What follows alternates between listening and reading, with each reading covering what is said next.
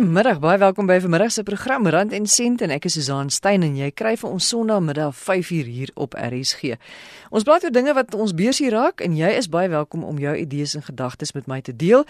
Maar stuur my 'n e-pos susan@rsg.co.za. Dis S U Z A A N by rsg.co.za.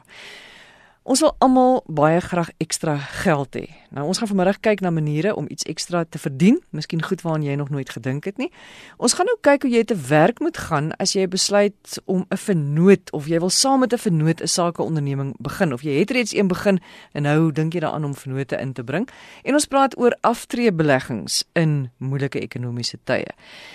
Matthys Potgieter is 'n skuldkenner by DebtSave en Matthys Kom ons val met die deur in die huis. Hoe verdien ons 'n ekstra inkomste? Ek dink die belangrikste ding is, is om dadelik te begin kyk met werk met wat jy beskikbaar het. Kyk wat is jou vaardighede. Kyk wat het jy in die omgewing, direkte omgewing by jou. Um as jy 'n stoof het, kan jy moontlik koekies bak. As jy 'n tuin het, kan jy moontlik kinderpartytjies huisves in jou tuin. So werk met wat jy beskikbaar het. In coaching gebruik hulle 'n proses met mense wanneer hulle gewoonlik met vra vra veral oor finansiële ontwikkeling en en hoe hulle hoe hulle meer geld kan genereer wat ons gewoonlik vir mense sê is gaan maak 'n lys van 'n 100 goed wat jy kan doen met dit wat jy beskikbaar het onmiddellik. Die eerste 10 of 20 is maklik en dit is naby, maar sodra jy dan 'n bietjie verder in daai lys gaan, moet jy dan baie begin baie kreatief raak. En dit is in daai kreatiewe opsies op die einde waar jy die grootste geleenthede gaan kry, waar jy 'n uitskieter in die mark met binne gaan kry.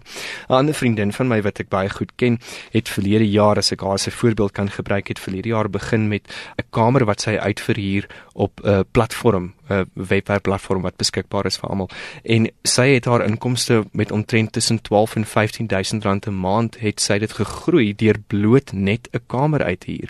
En ek het nou eendag met haar lank daaroor gesit en praat wat sy sê dat daar is nie eintlik soveel addisionele kostes van nie. Sy sê nog steeds die water en ligte betaal het. Sy het nog steeds die die hulp betaal het om die plek skoon te maak. Maar daai is dan op die einde skoon wins wat sy ekstra boonbehalwe haar gewone maandelikse inkomste ook in haar sak kan sit. So daar's baie opsies daar buite wat 'n mens verder vir mense kan sê as jy byvoorbeeld 'n tuinwoonstel het, ruk hom reg en laat iemand moontlik daar bly. Dis ook partykeer goed vir veiligheid, veral as jy 'n ouer persoon is om niemand en 'n ekstra asem dalk op op die perseel te hê.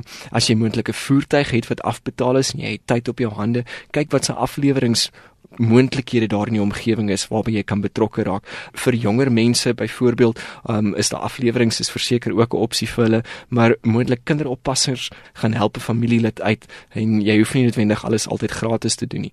So daar is opsies, maar mens moet net eers begin kyk met wat het jy beskikbaar? Watse vaardighede beskik jy oor en watse bates het jy wat jy moontlik in tyd of tyd en geld in kan omdraai. En ek dink dis ook 'n goeie geleentheid om mense hoor baie keer mense werk en dan sê hulle ouma maar eintlike droom is om dit te doen of om mm. dat te doen, maar eintlike droom is om te skryf of my eintlike droom is om tuine uit te lê. En hierdie is dan 'n manier waar jy jou droom kan begin kan begin uitleef. Verseker, ek meen dis een ding wat een van my oumas het vir my gesê, as jy die dag doen wat jy lief is vir om te doen, dan gaan dit nooit vir jou voel asof jy werk nie en die geld gaan outomaties inkom. En moontlik is hierdie dan 'n geleentheid vir mense, soos wat jy nou sê byvoorbeeld skryf, iets soos bloggers is op die stadium 'n verskriklike groot ding en baie mense doen baie finansiëel baie goed om artikels te skryf en gepubliseer te word in ander plekke. So gaan vind uit wat is jou passie areas, want daar is 'n manier om jou passie wel in rand en sente in om te draai. 'n Mens sien so baie keer of mense sal baie keer vir jou sê o, ek is so opgeharder. Ek het so 'n klomp goed daar in my motorhuis.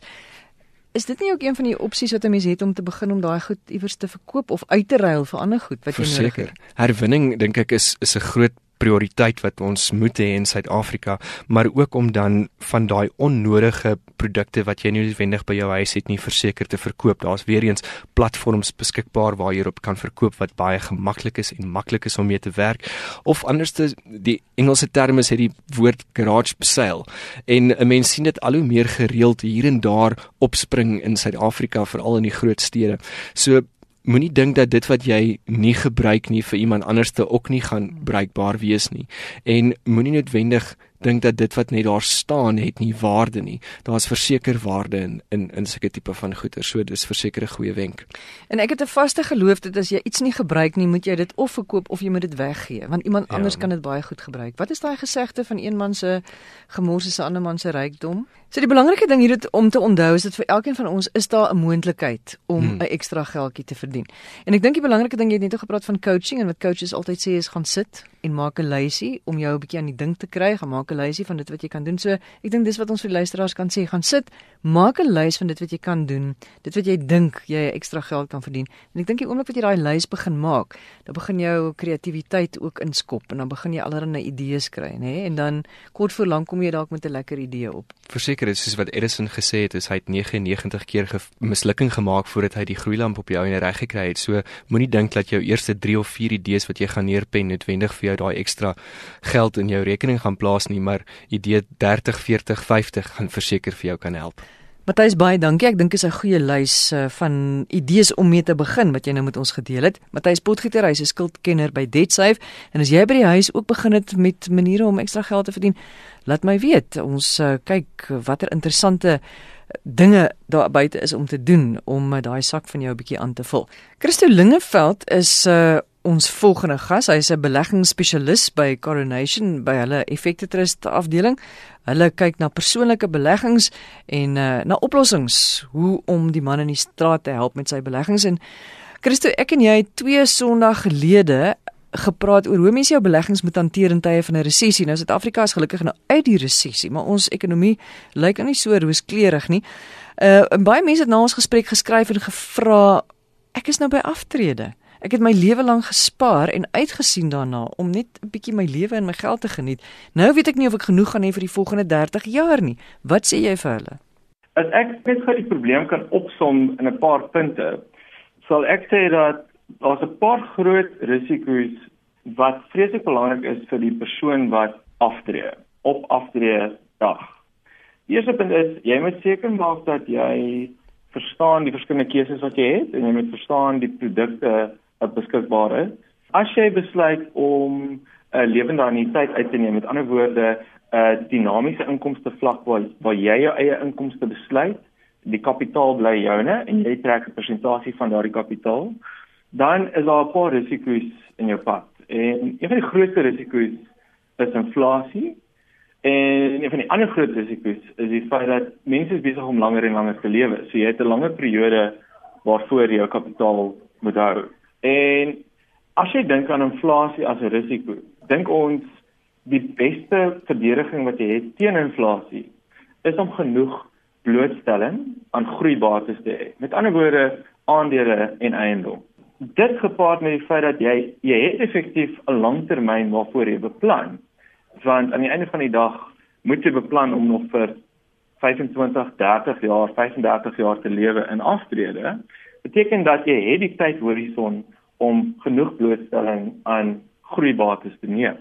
So die beste oplossing in ons opinie bly 'n multibate klas portefeulje wat goed gediversifiseer is, maar wat genoeg groeibate blootstelling het om vir jou daai inflasiekloppende opbrengs te lewer. Nou wat ons sien op die oomblik is beleggers so sentiment negatief is en soos oor die laaste 3 jaar jy nie die tipe opbrengs verdien het in Suid-Afrika wat baie mense gewoond aangeraak het nie. Is ons besig om te sien hoe beleggers meer en meer risiko van die tafel af te neem. Hulle is besig om meer en meer konservatief te belê met hulle geld. Met ander woorde, hulle is besig om meer kontant op te bou in hulle portefeuilles. En dit bekommer ons want ek het nou net vir genoem hoe ek het nou net die die redes gegee hoekom ons dink beleggers genoeg groeibate blootstelling moet hê maar aan aan dieselfde kant sien ons dat beleggers besig is om presies die teenoorgestelde te doen. So die grootste punt wat ek wil maak vir die mense wat nou net aftrede bereik het of wat al in aftrede is, is maak seker dat jou portefeulje genoeg blootstelling aan groeibates het. En watter watter raad het jy vir vir mense wat afgetree is in terme van besteding van hulle geld? Dink jy 'n mens moet maar daai riem bietjie stywer vasmaak of die gordel en intrek en jy moet maar as jy nou beplan het, goed, ek wil een keer 'n jaar oor see gaan reis en een keer 'n jaar 'n plaaslike vakansie hê, dat jy miskien maar moet dit dit heroorweeg. Absoluut. So die verskil wat jy kan maak, die enkel grootste verskil wat jy kan maak, is om daai inkomste vlak met dissipline te bestuur. Ehm um, die verskil tussen om 6% per jaar uit jou kapitaal te trek en 5% per jaar is massief in die konteks van eh uh, die hoeveelheid jare wat jou kapitaal sal hou. En ek weet dit is nie altyd maklik nie, maar as jy dinamies dit kan aanpas, maak dit 'n uh, massiewe verskil. So uh, in in periodes waar jy goeie opbrengste verdien het, dan is daar geen rede hoekom jy nie jouself ook 'n verhoging kan gee nie. Want jou kapitaal is nou meer werd. Maar jy as jy bereid is om dit te doen, dan moet jy ook bereid wees om die riem vas te maak in moeilike tye. Want dit gaan alles oor hoe lank jou kapitaal kan hou oor daai lang termyn. Maar die die enkel grootste verskil wat die belegger in aftrede kan maak aan hoe lank hulle kapitaal gaan hou is om daai inkomste vlak baie aggressief met groot dissipline te bestuur. Christo, ek weet julle finansiële mense wil nooit voorspellings waag nie en 'n mens kan nie regtig nie, maar maar wat sien julle vir die volgende jaar of twee? Dink jy ons gaan nog maar dit gaan nog maar swaar gaan met ons of wat? Ja, ek weet dis baie moeilik om te sê wat oor die korttermyn sal gebeur, maar as jy weer eens bereid is om 'n langtermyn siening te neem, het ons altyd bereid is om te doen hierso en ek dink beleggers moet daai konteks hê wat jy belê vir die langtermyn. Dan sal ons sê dat op huidige vlakke, as jy kyk na die bates wat beskikbaar is in Suid-Afrika, sal ons sê dat van die mees aantreklikste bates bly die groeibates. Dit bly aandele en eiendom. Nou, dit is moeilik is 'n moeilike pil om te sluk in die huidige milieu want sentiment is so swak. Maar dit is juis in periodes waar sentiment so swak is waar jy die geleenthede sien. Nou die geleentheid sal dalk nie in die volgende jaar of 2 uitspeel nie, ons weet nie, maar as jy bereid is om vir 5 jaar of plus te belê, dan is ons heel seker dat jy die beste af gaan wees in daardie geleenthede. Dit gaan net oor om jou jouself en jou beleggingshorison te bestuur sodat jy aan die einde van die dag daai positiewe uitkoms kan verdien. Die laaste ding wat ons wil hê is beleggers moet moet blootstelling neem aan hierdie bates, maar as die volgende jaar nie vir hulle uitwerk nie, dan trek hulle effektief hulle geld uit en hulle skep nou meer konservatiewe oplossings toe. Dit is baie belangrik om die posisie te neem en dan om dit die korrekte horison te gee vir daardie belegging. Christo baie dankie. Ek dink ek wil ons luisteraars net weer verwys na Sondag die 17de September se gesprek wat ek en jy gehad het. Jy kan gerus gaan na www.rsg.co.za, soek dan of klik op potgooi, soek rand en sent en gaan luister na my en Christo se gesprek want dit sluit aan by hierdie een wat ons vandag het. En ek dink as jy na al hierdie twee of liewer na hierdie twee gesprekke saam luister dan gaan jy 'n baie goeie idee hê uh van wat jy met jou belegging moet doen. Christo Lingeveld, beleggingsspesialis by Coronation. Jy luister na Rand en Sent hier op RSG. Jy kry vir ons 100 tot 104 FM op jou radio in Suid-Afrika of op die internet www.rsg.co.za, ook op die DStv kanaal lekker gemaklik op jou rusbank 0813. Wouter Fourie is die direkteur van Escor Independent Wealth Managers. Hy is uh, ook 'n finansiële beplanner en hy is die direkteur van die Finansiële Beplanningsinstituut. Ons het al gepraat met jou Wouter, vreeslik baie. Baie dankie daarvoor. Ons het gekyk na hoe kan 'n mens jou eie onderneming begin? Ons het gekyk na regsaspekte, finansiële aspekte, belastingaspekte, maar 'n baie belangrike ding waaroor mense ook wil weet is vennootskappe. Ek en jy is goeie vriende. Ons besluit kom ek en jy word vennote in 'n onderneming. Miskien neem ons selfs nog 'n paar ekstra mense in. Hoe goeie of 'n slegte idee is 'n vennootskap? Reg, as jy mens gaan kyk na besighede, is daar verskeie maniere hoe 'n mens in 'n besigheidsverhouding kan betrokke raak. Ehm um, eerstens as jy alleen is, dan praat ons van 'n alleenman saak, so jy kan op jou eie in jou eie naam besigheid doen. As jy saam met iemand besigheid wil doen, is daar dan verskillende ander maniere om dit te doen. Vennootskap is een van dit. En 'n vennootskap is in werklikheid net 'n ooreenkoms. Daar's nie 'n registrasieproses wat moet plaasvind nie.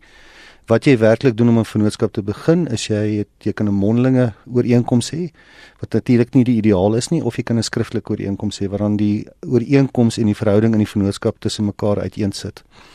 En 'n vennootskap is gewoonlik ook die goedkoopste manier om 'n besigheidsverhouding te begin. Die nadeel net van 'n vennootskap is jy moet besef dat vennootheid gewoonlik in 'n vennootskap gelyke geseggenskap, so jy kan die vennootskap en jy kan ons vennootskap kan jy in skuld indompel. En ook wat belangrik is van 'n vennootskap is sodra die van, een van die vennote tot sterwe kom dan ontbind die vennootskap. Nou net 'n bietjie in dit in groter perspektief te plaas. As 'n mens gaan dink byvoorbeeld aan dokterspraktyke. Nou ek het jare terug was ek betrokke by die patolooggroepe gewees en hulle het in vennootskappe gewerk en dit was altyd 'n uitdaging geweest want as 'n nuwe vennoot inkom, dan word daar 'n splinter nuwe vennootskap gestig en as daar vernoot uitgaan om die vorige vennootskap ontbind word, finansiële state moet opgestel word en dan moet weer 'n nuwe vennootskap gestig word. So as 'n vennootskap 'n besigheidsbeginsel is dit 'n goeie vertrekpunt, maar dit het ook baie gevare in terme van as 'n persoon tot serwe kom dan ontbind na vennootskap. Die alternatiewe manier is om 'n maatskappy te stig En deesdae kan 'n mens 'n maatskappy redelik maklik um, stig. Daar's um, jy kan na SIPC se webwerf toe gaan, so cipc.co.za en hulle vat jou deur die proses om om 'n maatskappy te stig of jy kan 'n trust stig. Nou weer eens as mens gaan kyk na die verskillende belastingaspekte, is 'n vennootskap word jy belas as 'n individu. So aan die einde van die jaar dan vat ons die winste en ons deel dit volgens die vennootskapverhouding en jy betaal belasting in jou eie hoedanigheid. In 'n maatskappy is dit anders. In 'n maatskappy sit jy met maatskappybelasting wat teen 28% belas word. En dan natuurlik as jy daai geld wil uitbetaal as 'n dividend, betaal jy nog 20% belasting daarop. Individue se belastingkoers begin op 18% en gaan so hoog soos 45%. En dan sit ons met 'n trust wat 45% is en ek dink 'n trust is noodwendig die regte plek om 'n besigheid in te doen nie. Ehm um, die belastingkoers is baie hoog, jou kapitaalwinsbelastingkoers is baie hoog. So in meeste gevalle as jy in 'n besigheid ingaan en jy is ernstig geoorsaak aanbeveel om 'n maatskappystruktuur te gebruik. En die voordeel van die maatskappystruktuur is dat jy die maatskappy gedagvaard word, nie jy in jou hmm. persoonlike hoedanigheid en wanneer 'n vennootskap word jy in jou persoonlike hoedanigheid gedagvaard as iets fout gaan. As jy in 'n vennootskap gaan, hoe beskerm jy jouself teen dinge wat dalk verkeerd kan loop? Soos ek genoem het, dis baie belangrik dat mense vennootskapsooreenkomste opstel, 'n dokument wat presies uiteensit wat die regte is van die vennote, wat hulle verantwoordelik voor is en dan ook weet uh, watter verantwoordelikhede in hierdie vennootskap wat hulle moet nakom. Die uitdaging by die by die vennootskap is as een van die vennootskappe, een van die vennote begin nie sy kant bring nie. Nou soos dit ons verduidelik met die huwelik, is dit altyd in die begin baie romanties en 'n mens gaan deur die mm, witbrood mm. seisoen en wat ook al en dis dis dit gaan goed. Maar daarna as 'n mens probleme optel dan moet 'n mens kan teruggaan na die kontrak en gaan sê maar wat sê hierdie vennootskapsooreenkoms? Wie is verantwoordelik vir wat? En ek dink dis die grootste beskerming wat 'n mens kry in 'n vennootskap. En wat van hoe beskerm jy byvoorbeeld jou gesin teen so 'n soort vennootskap Weereens die jou gesin is ehm um, jy is 'n individu is betrokke in die gesin en omdat jy is 'n individu in die vennootskap betrokke is dit belangrik om te gaan kyk na jou huweliksooreenkoms wat jy het. Soos jy binne gemeenskap van goed getroud is, dan is jou lewensmaat is eintlik saam met jou betrokke in hierdie vennootskap waar dit dan ideaal is om liewerste buite gemeenskap van goedere getrou te wees. Maar ook as jy binne gemeenskap is, dan moet die lewensmaat ook al die dokumentasie teken in terme van hierdie vennootskapsooreenkoms want jy boedel word as 'n as een boedel beskou. So as 'n mens gaan kyk na hoe beskerm jy jouself in 'n vennootskapsooreenkoms, weer eens daai vennootskapsooreenkoms is die belangrike dokument. En ek sal aanbeveel dat 'n mens daar regskenner om jou te help om daai dokument op te stel. En asseblief tog die luisteraars moenie begin met die vennootskap en dan dink ons gaan dit later doen nie want ou raak so besig in hierdie vennootskap dat jy later en later dan word dit nooit gedoen nie en dan as 'n mens probleme optel dan wens jy dit in die begin gedoen. So maak seker dat jy sommer van dag 1 af daai vennootskap so die inkomste optrek voordat daar geld verwissel.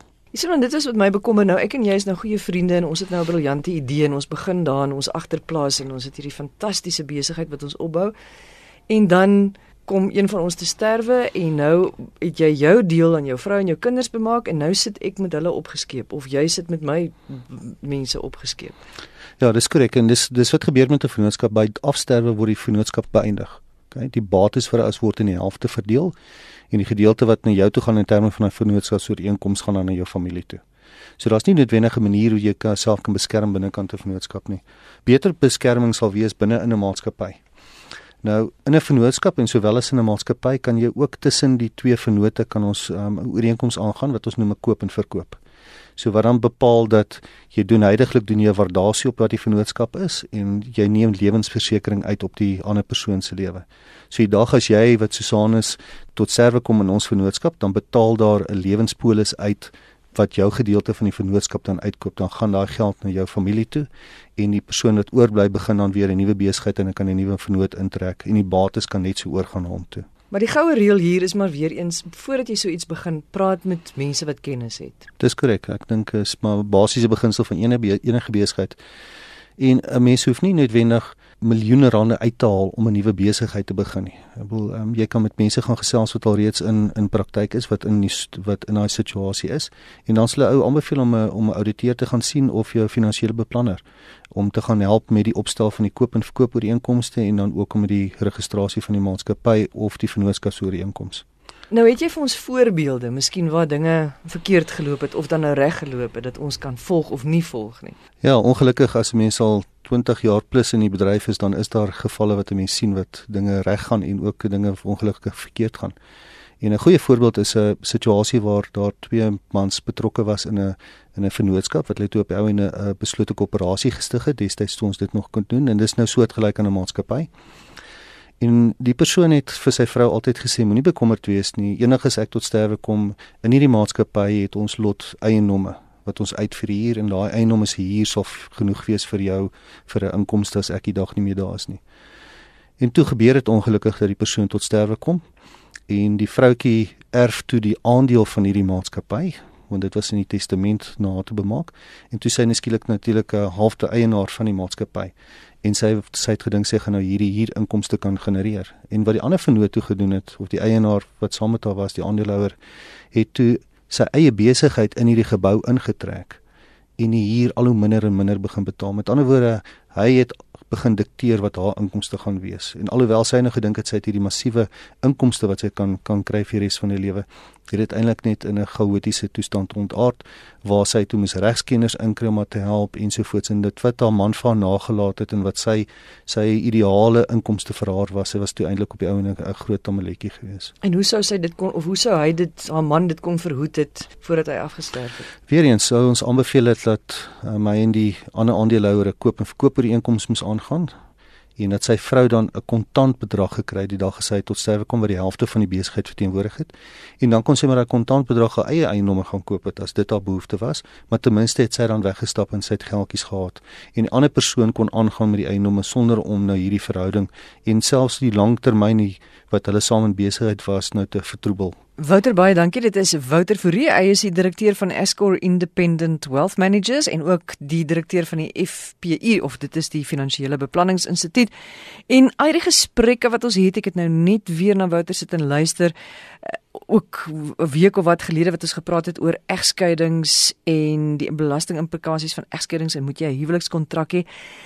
Enige iets waarby jy en nog iemand anders betrokke is, moet jy doodseker maak dat jy maar liewers dinge op papier het of liewers dinge in 'n kontrak het, want anders kan jy baie baie baie sleg verloor. En uh, nie net teleurgesteld word of liewer groot finansiële verliese ly nie, maar ook emosionele verliese en sommer net teleurgesteld wees met die mense met wie jy in besigheid gegaan het. So maak maar doodseker dat jy wat ook al jy doen dat jy dit op papier sit want 'n mens begin iets en jy dink ag, ons is goeie vriende of ons is baie lief vir mekaar, alles gaan oukei okay wees en op die ou einde kan dit jou baie duur te staan kom. Dit is ons program vir vandag. Dankie vir die saamluister en volgende Sondagmiddag 5uur doen ons dit weer. Intussen stuur jy vir my enige tyd 'n e-pos as jy vra het of 'n bydrae wil lewer. Susan@rsg.co.za. S U Z A A N by rsg.co.za. Ek hoop dit is 'n baie baie mooi week vir jou. Totsiens.